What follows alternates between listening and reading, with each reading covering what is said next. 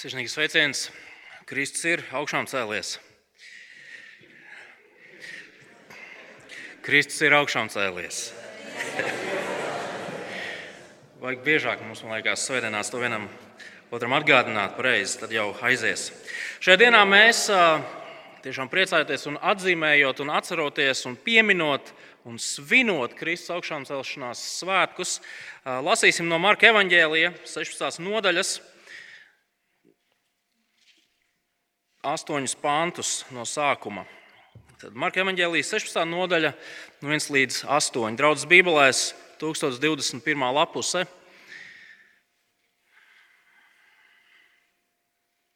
Lasīsim šo raksturvietu, tad aizlūksim un mēģināsim ieraudzīt, ko Marks mums šodien māca.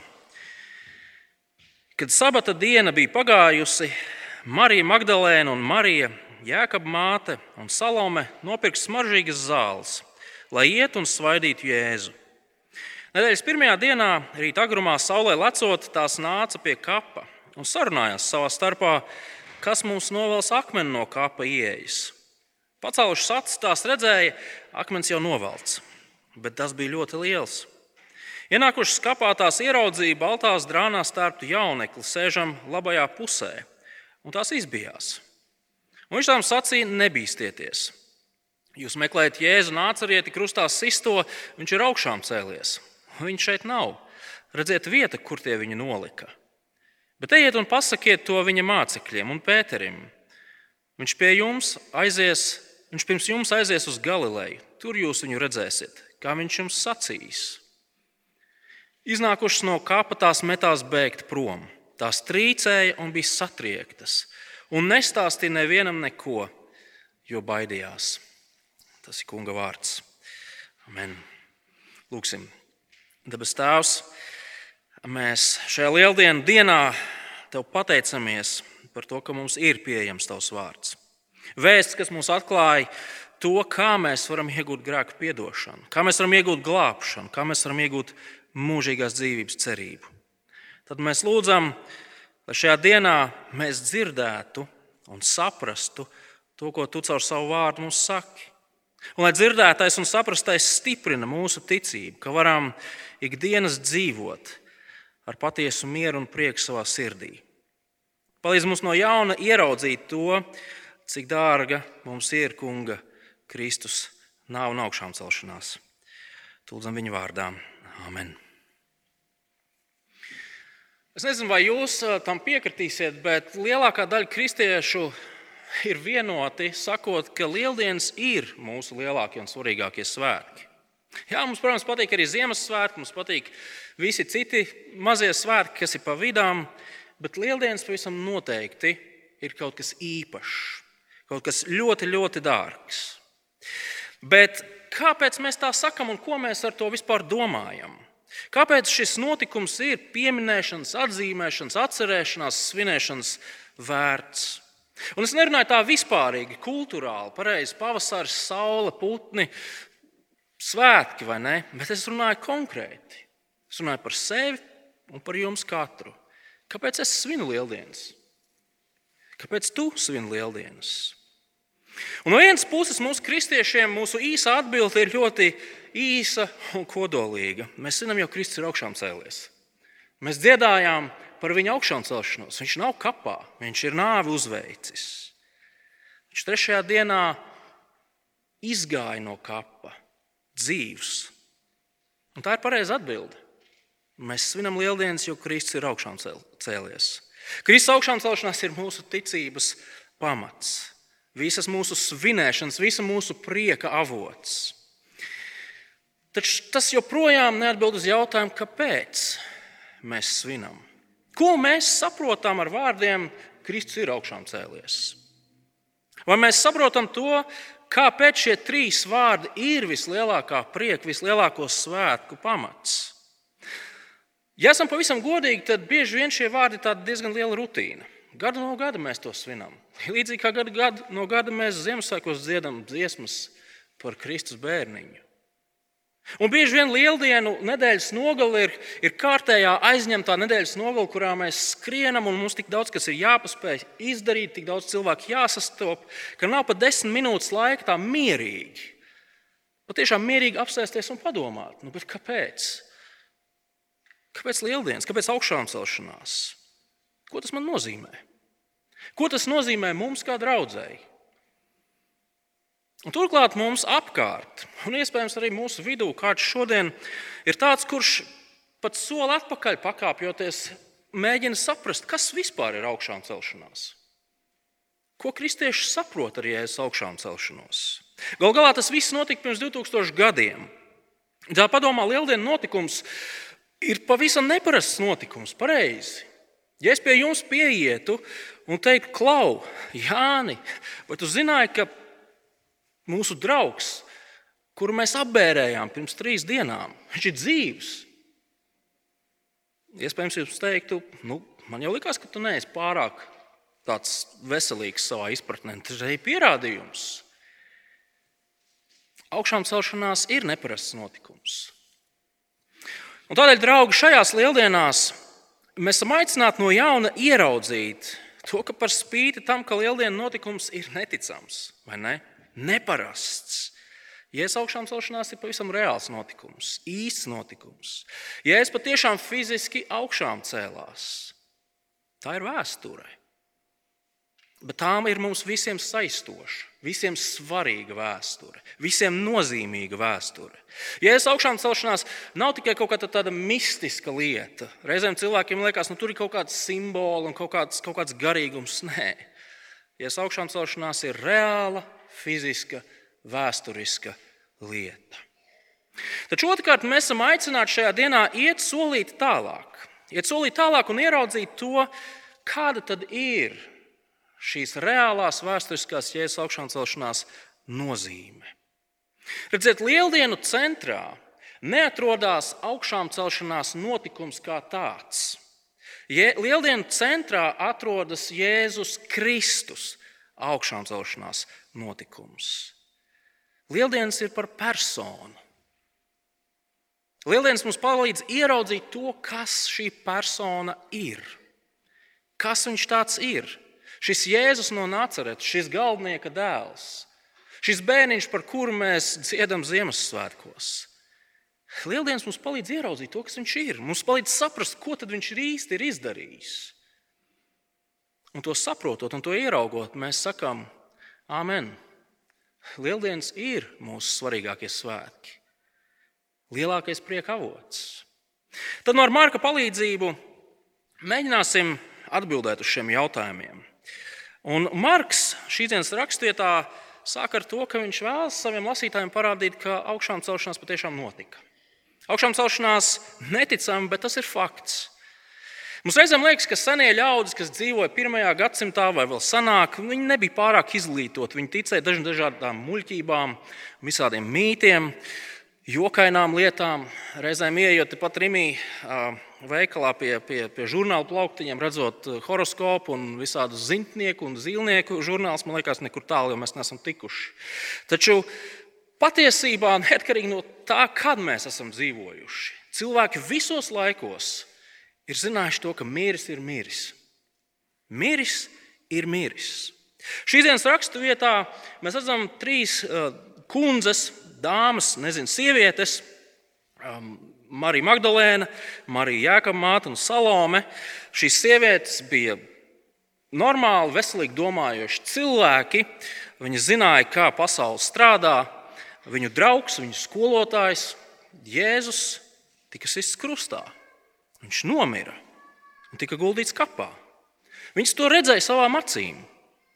Viņas bija klāt tajā brīdī, kad Jēzus skaļi iekļiedzies nomira. Viņas bija līdzās tajā brīdī, kad Romas virsnieks paziņoja, ka šis cilvēks, kas ir piesists krustā, patiešām ir miris. Viņš redzēja to, kā viens turīgs vīrs vārdā Jāzeps no Arimatejas iegādājās linu audeklu, kurā ietina Jēzus līķi aiznes uz kapu, ielika kapā. Kapam priekšā aizvēra lielu akmeni. Viņas to visu redzēja. Es pieņemu, ka mēs visi esam bijuši bērēs. Pareizi. Mēs esam bijuši bērēs, kur tiek aizvērts zārks, zārks tiek ielaists bedrē, bedra tiek aizbērta, pa virsmu tiek saliekti zāri un puķes. Mirs ir miris. Ieskatieties šajos pantos, kā sākas šī raksturvieta. Kad sabat diena bija pagājusi, Marija Magdalēna un Marija Jēkaba māte un Salome nopirka smaržīgas zāles, lai ietu un svaidītu Jēzu. Nedēļas pirmajā dienā rīta agrumā saulē lecot tās nāca pie kapa un sarunājās savā starpā. Kas mums novels akmeni no kapa ieejas? Tad šīs trīs sievietes, visticamāk, bēdu pārņemtas, un viņas šajā brīdī gatavojas Jēzum izrādīt pēdējo godu, izpildot tā laika apbērēšanas paražas. Jēzus nomira piekdienas pusdienas laikā, līdz jūdu sabata sākumam, proti, piekdienas vakaram, viņš tika guldīts kapā, un tad sākās jūdu sabats, kas ilga līdz sestdienas vakaram. Tad, kad sabata diena bija beigusies, šīs trīs sievietes visticamāk skrēja uz vietējo naktas tirdziņu, lai nopirktu visas vajadzīgās zāles, zālītes un augus, un ko viņas tur vēl neizmantoja. Lai pēc tam nākamajā dienā, proti, svētdienas rītā, agrā rītā, steigtos pie kapa un apkoptu savu mirušā skolotāju, savu draugu mirstīgās atliekas. Neko vairāk viņas jēzus labā nevarēja darīt. Un tā Agri svētdienas rītā viņas devās uz to pašu kapu vietu, kur viņas bija piekdienas vakarā, kur viņas redzēja, ka jēzus tiek ielikts. Un vienīgā doma, kas viņas, viņas, viņa prātus nodarbināja, bet tur ir tas milzīgais akmens. Kurš mums palīdzēs viņu novilkt nost? Šīs sievietes, viņas negaidīja augšām celšanos. Šīs sievietes, viņām nebija kaut kādas muļķīgas ilūzijas un cerības uz brīnumiem. Ne vienīgais, kas nodarbināja viņu prātu, bija tas, kurš palīdzēs viņām šajā milzīgajā misijā, kurš palīdzēs viņām tikt klāt Jēzum. Bet tad šīs sievietes piedzīvo brīnumu, vai nu vismaz kaut ko ļoti, ļoti neparastu. Skatieties, 4. pantā. Pacēlušas acis, tās redzēja, akmens jau ir novelts, bet tas bija ļoti liels. Mēs varam tik dzīvi iztēloties to, kā šīs sievietes saskatījās viena ar otru, to, kā viņas paskatījās visapkārt, un tad solīt pa solītam lēnām iegāja iekšā šajā kapā. Un ieejot šajā kapā, viņu pārsteigumu un neizpratni nomainīja šoks. Piektais pants. Ienākušas kapā tās ieraudzīja baltās drānās tērptu jaunekli sēžam labajā pusē, un tās izbijās. Vai šis jauneklis bija Jēzus? Nē, noteikti nē. Viņš nezināja, kas tas par jaunekli. Kur ir Jēzus? Vai kāds ir pārvietojis Jēzus līķi? Romieši, jūdi, zvēri? Kāpēc viņi kaut ko tādu darītu? Kas ir tas baltais jauneklis? Kas vispār šeit notiek? Cilvēki reizēm saka, ka viss ir ļoti vienkārši mēs ļoti vienkārši varam izskaidrot to, kas šeit notiek. Proti, jēzus līķi nozaga pa nakti. Nozaga vai nu Romas karavīri, vai varbūt tās ebreji, jūdi nozaga šo līķi. Ja mēs kaut mirkli par to padomājam, mēs saprotam, ka tas nav iespējams. Jo gan romiešu, gan jūdu lielais mērķis bija panākt to, ka Jēzus mācība apstājās. Tas nozīmē, ka tiklīdz viņa mācekļi sāktu mācīt par Jēzu, par Jēzus augšām celšanos un vēl kaut ko, viņi varētu paņemt un parādīt līķi. Viņi izvilktu, skatieties, ko jūs te muļķības māciet, kā augšām celies, redz, kur viņš ir. Romieši, jūdi, viņi nenozaga līķi, viņiem nebūtu ko parādīt, viņiem nebija ko parādīt. Kāda cita teorija skaidro, ka Nu, ļoti iespējams, to līķi nozaga mācekļi. Taču arī tas nav iespējams. Citos evanģēlijos mēs lasām par to, kā tad, kad tas akmens tika pievelts priekšā kapam, šis kaps tika aizzīmogots ar Romas zīmogu. Pie šī kapa tika nolikti Romas karavīri. Un, ja mēs kaut ko zinām par vēsturi, mēs zinām to, ka Romas karavīri, atrodoties sardzē, viņi sargā ar savu dzīvību. Viņiem nekas nevar pakļūt garām. Un turklāt, tad, kad mēs lasām to, kā mācekļi rēģē, uzzinādami par to, ka kaps ir tukšs, viņi ir izbijušies, viņi ir šokā, viņi ir neizpratnē, viņi netic. Mācekļi nav paņēmuši līķi. Ja reiz ne romieši, ne jūdi, ne mācekļi šo jēzu nav nozaguši, kā lai izskaidrotu tukšo kapu. Un te mums tā kā nāk šis jauneklis, kurš ir tērpies baltās drānās, kurš ļoti lakoniski sniedz atbildi uz to, kas šeit ir noticis. Skatieties, 8 un 7 pantu. Bet viņš tam sacīja: Nebīsties! Jūs meklējat Jēzu, nāciet krustā sisto, viņš ir augšām cēlies, un viņa šeit nav. Redziet, vieta, kur tie viņu nolika. Bet ejiet un pasakiet to viņa mācekļiem un Pēterim. Viņš pirms jums aizies uz Galileju. Tur jūs viņu redzēsiet, kā viņš jums ir sacījis. Šī patiesi ir tā vieta, kur gulēja jēzus līķis. Bet tā vairs šeit nav. To neviens nav nozadzis. Jēzus ir augšām cēlies, viņš ir dzīvs, tāpēc viņa šeit vairs nav. Nekādas sazvērstības nav notikušas. Jēzus ir augšām cēlies, viņš ir dzīvs. Un, protams, tas viss izklausās neticami. Tā, jo tādas lietas ikdienā nenotiek pareizi. Mūsu racionālais prāts grib saukt, stop, pagaidi, pagaidi. Tas nav iespējams. Taču mēs esam aicināti skatīties uz faktiem. Un visi fakti un pierādījumi, un šajā pēcpusdienā mēs esam pieskārušies tikai dažiem no viņiem, liecina par to, ka vienīgais izskaidrojums, kāpēc kaps ir tukšs, ir tas, ka Jēzus ir fiziski augšām cēlies. Turklāt, ja mēs padomājam par to, kas aiz tā visa stāv, proti, Dievs, kurš visu var radīt no nekā, viņam būtu problēmas kādā dzīvināt. Nē. Bet kāpēc Jēzus augšām celšanās ir tik svarīga? Ko mums šis vēsturiskais, neparastais, brīnumainais notikums, šis fakts, ko tas mums nozīmē? Kāpēc mēs svinam lieldienas? Un runājot par augšām celšanās nozīmi, mēs esam aicināti ieraudzīt pāris savā starpā cieši saistītas svarīgas lietas. Vēlreiz ieskatīsimies tajā, ko sievietēm teica šis jauneklis.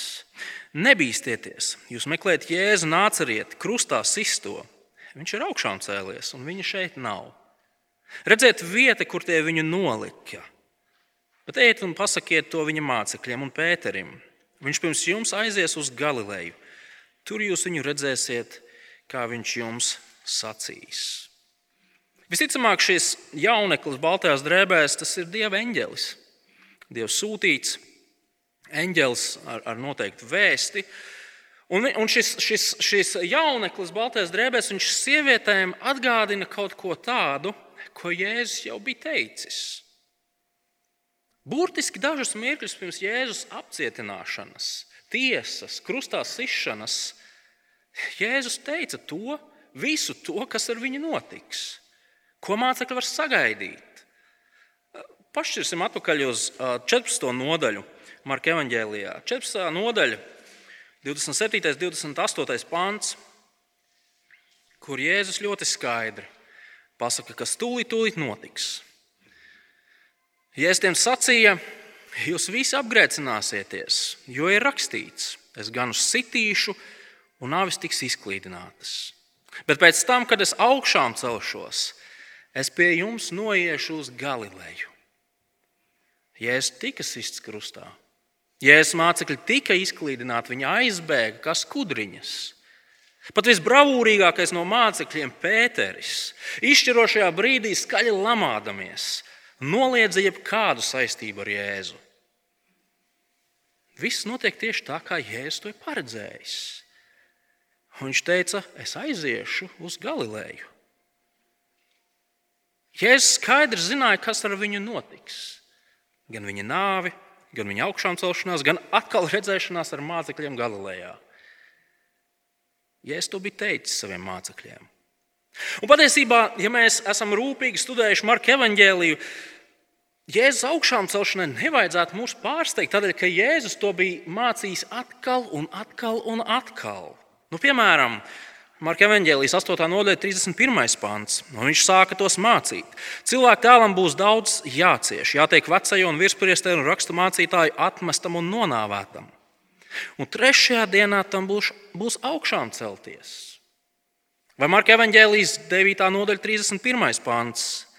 Viņš mācīja savus mācekļus, un tiem sacīja, ka cilvēka dēls tiks nodots cilvēku rokās, un to, tie viņu nonāvēs. Un nonāvēts viņš trešajā dienā augšām celsies. Visbeidzot, desmitā nodaļa, 33. un 34. pāns. Jēzus sacīja, redz, mēs ejam uz Jeruzalemi, un cilvēka dēlu nodos virspriesteriem un rakstu mācītājiem, un tie viņu notiesās uz nāvi un nodos viņu pagāniem, un tie viņu apsmies un apspļaudīs, tad šaustīs un nonāvēs viņu un pēc trim dienām viņš augšām celsies. Draugi, Jēzus teica, vairāk kārt teica saviem mācekļiem, ka viņš augšām celsies. Un trešajā dienā viņš augšām cēlās. Jēzus augšām celšanās pirmkārt nozīmē to, ka viņa vārdi ir patiesi. Viss, ko Jēzus ir teicis, ir patiesība. Jēzum var uzticēties. Tā ir pirmā svarīgā lieta, ko mēs varam mācīties no augšām celšanās notikuma.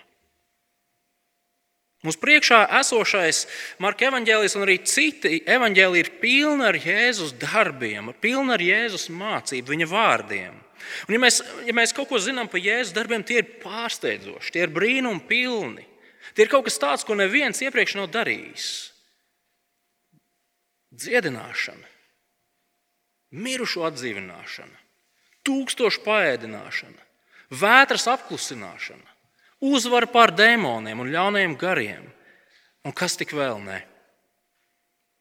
Turklāt arī Jēzus mācība, viņa apgalvojumi ir kaut kas tāds, ko neviens nekad pie pilna prāta nav izteicis.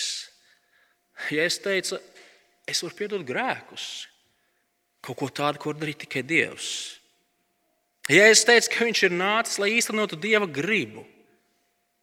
Viņš teica, ka viņš, proti, Jēzus ir vienīgais ceļš pie dieva. Jēzus teica, ka viņš ir patiesība. Jēzus teica, ka viņš saviem sekotājiem var dot mūžīgo dzīvību. Jēzus teica, ka viņš mirs, bet atkal būs dzīvs. Jēzus neparastie darbi un neparastie apgalvojumi. Tas viss liecina par to, kas Jēzus tāds ir.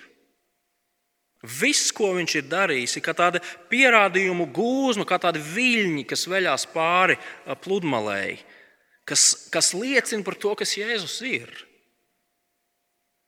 Un tā augšām celšanās visā tajā ir kā šī, šī pēdējā, šī trumpja kārta, šī, šī šis trūkstošais elements, lai, lai uzvarētu un maksimāli pierādītu to, kas Jēzus ir. Skatieties un nešaubieties. Viss, kas ir par viņu teikts, viss, ko viņš ir darījis, viss, ko viņš pats par sevi ir teicis, tā viss ir patiesība. Padomājiet par to. Ja Jēzus nebūtu augšām cēlies, mēs mierīgi varētu iet mājās. Mums šeit nebūtu jāsēž nopietni. Ja Jēzus nav augšām cēlies, būtu muļķīgi šeit sēdēt un klausīties tajā, ko Jēzus māca. Mēs būtu muļķi, ja mēs šeit sēdētu un klausītos vienā melīgā ebrejā, kurš piestāstīs pilnas ausis ar visādām lietām, ja Kristus nav augšām cēlies. Bet, ja Jēzus ir augšām cēlies, un viņš ir augšām cēlies, Tas nozīmē, ka pārdomājot Jēzus teikto, pārdomājot to, ko viņš ir darījis, mums var būt drošība par to, ka tas viss ir patiesība. Un tieši to arī Marks savā evanģēlijā ir centies izdarīt. Tas ir viņa mērķis. Viņš grib, lai cilvēki skatās, klausās, saprot, redz un ir pārliecināti. Augšām celšanās ir kā tāds zīmogs, kas apliecina to, ka, ka Jēzus patiešām ir tas, ko viņš par sevi saka. Augšām celšanās ir kā tāds zīmogs, kas apliecina to, ka viss, ko Jēzus ir darījis, tas ir ar to mērķi, ko Jēzus par to ir teicis. Augšām celšanās nozīmē, ka visi Jēzus vārdi ir patiesība. Mēs viņam varam uzticēties, mēs viņam varam ticēt. Un tas savukārt mūs noved pie otrās lietas. Ja reiz pirmā lieta ir patiesība, tad otrā lieta, proti, tas, ka augšām celšanās mums garantē drošību nākotnē, grēku piedošana, arī tas ir patiesība. Mēs cilvēki, mēs visi, mēs visi esam grēcinieki. Mēs visi esam sacēlušies pret, pret radītāju, pret mūsu dievu. Un tas ir redzams ik uz soļa. Tas ir redzams ziņās, tas ir redzams mūsu ikdienas dzīvē. Tā kā mēs izturamies cits pret citu. Tā kā mēs reizēm izturamies paši pret sevi, ko mēs domājam paši par sevi. Lai cik skaista arī nebūtu šī pasaule, lai cik jauka un brīnišķīga nebūtu mūsu dzīve, mēs zinām, ka realitāte ir diezgan skarba. Pat visbrīnišķīgākā dzīve var vienā brīdī aprauties. Ātri, varbūt pēc 90, varbūt pie simts gadiem, bet tā beidzās. Mēs visi esam grēcinieki, un tas nozīmē, ka kādu dienu, kad tā stunda pienāks, mums būs jāstājas savu radītāju priekšā. Mums būs jāstājas viņa priekšā un jāatbild uz jautājumiem. Jāatbild uz viņa apsūdzību un jānoklausās viņa spriedumus. Draudziņ, tu esi vainīgs. Tu esi sacēlies pret mani, tu esi maldījies, tu esi grēkojis, tu esi vainīgs. Bet Jēzus nāca šajā pasaulē, lai cilvēkus izglābtu no, no grēka lāsta un no soda, kas pienākas.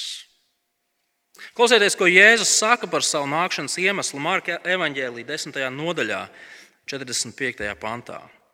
Jo arī cilvēka dēls nav nācis, lai viņam kalpotu, bet lai pats kalpotu un atdotu savu dzīvību kā izpirkšanas maksu par daudziem.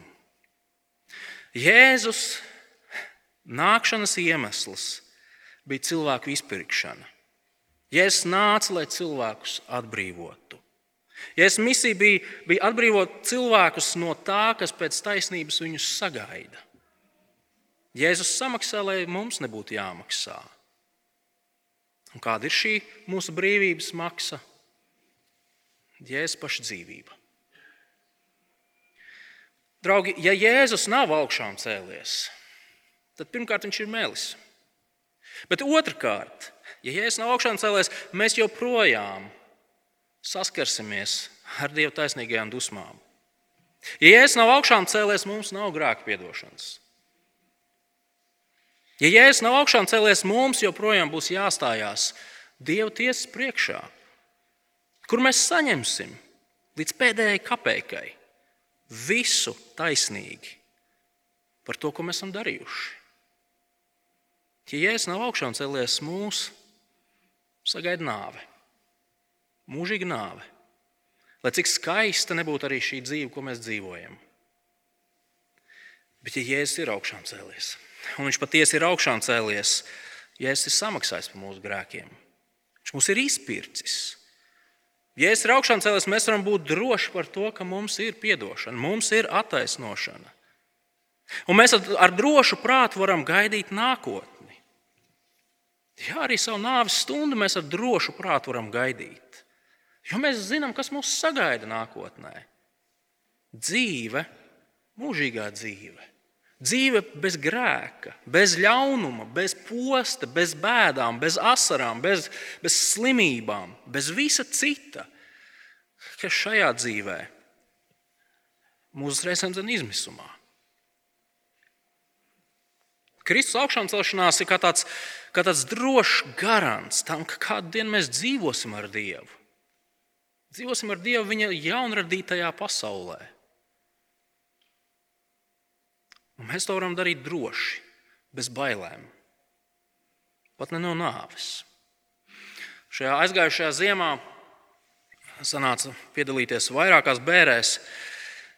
Bērns nekad nav priecīgs. Nav svarīgi, kas ir nomiris. Bērns ir bēdīgs mirklis visiem. Taču ir interesanti redzēt to, kā sēro kristieši. Par cilvēku, kurš arī ir bijis kristietis. Jā, tiek lietas asaras, viens otru mierina, bet gaisā virmo cerība. Gaisā virmo reāla cerība par to, ka ar nāvi viss nebeidzās. Jēzus aizgājēju un palicējus sagaidīs savā valstībā. Viņš ir uzveicis nāvi. Un tādēļ mūsu nāve ir tikai notikums mūsu mūžīgajā dzīvībā. Jēzus augšām celšanās nozīmē to, ka mēs varam būt droši par Jēzus identitāti. Mēs varam būt droši par to, ko Viņš ir darījis. Tā viss ir patiesība. Un tas savukārt nozīmē to, ka mēs varam būt droši par to, ka mūsu milzīgā grēka problēma, kas mūs šķir no Dieva un no Dieva apsolījumiem, arī tā ir atrisināta. Jo tas ir tas iemesls, kādēļ Jēzus nāca šajā pasaulē. Mēs varam būt droši par savu nākotni. Tad šai monētai ir arī otra puse. Un, un pavisam īsi tas ir nopietns brīdinājums. Ja es ir nācis, lai grēcīgiem cilvēkiem, dievienaidniekiem dāvātu uh, grēku piedošanu, attaisnošanu, mieru ar Dievu. Un šī atdošana un miers ar Dievu ir iegūstams tad, kad cilvēks ticībā tveras satver to, ko Jēzus ir izdarījis, turās pie Jēzus Kristus krusta. Tajā brīdī, kad mēs sakām, Jā, Jēzu, tu esi miris par mani, tajā brīdī mēs iegūstam šo attaisnošanu. Tajā brīdī mēs varam iegūt šo drošību un nākotnes cerību. Un te ir tas nopietnais brīdinājums. Cilvēki, kuri nav ieguvuši šo glābšanu, Dievu priekšā stāsies vainīgi bez attaisnojuma. Ja mēs neatzīstam Jēzu kā to, kurš spēj samaksāt par mūsu grēkiem, kurš to ir izdarījis, ja mēs neatzīstam viņu par glābēju un kungu, vai uzskatām, ka gan jau mēs kaut kā paši tiksim galā, varbūt uzskatām, ka nu, kā, nu, visi jau ir grēcinieki, es neesmu pats sliktākais no viņiem. Tas brīdinājums ir tāds, tā diena, kad tu stāsies kunga priekšā, savu radītāju priekšā, Tā būs visbriesmīgākā, visšausminošākā diena tavā līdzšinējā dzīvē.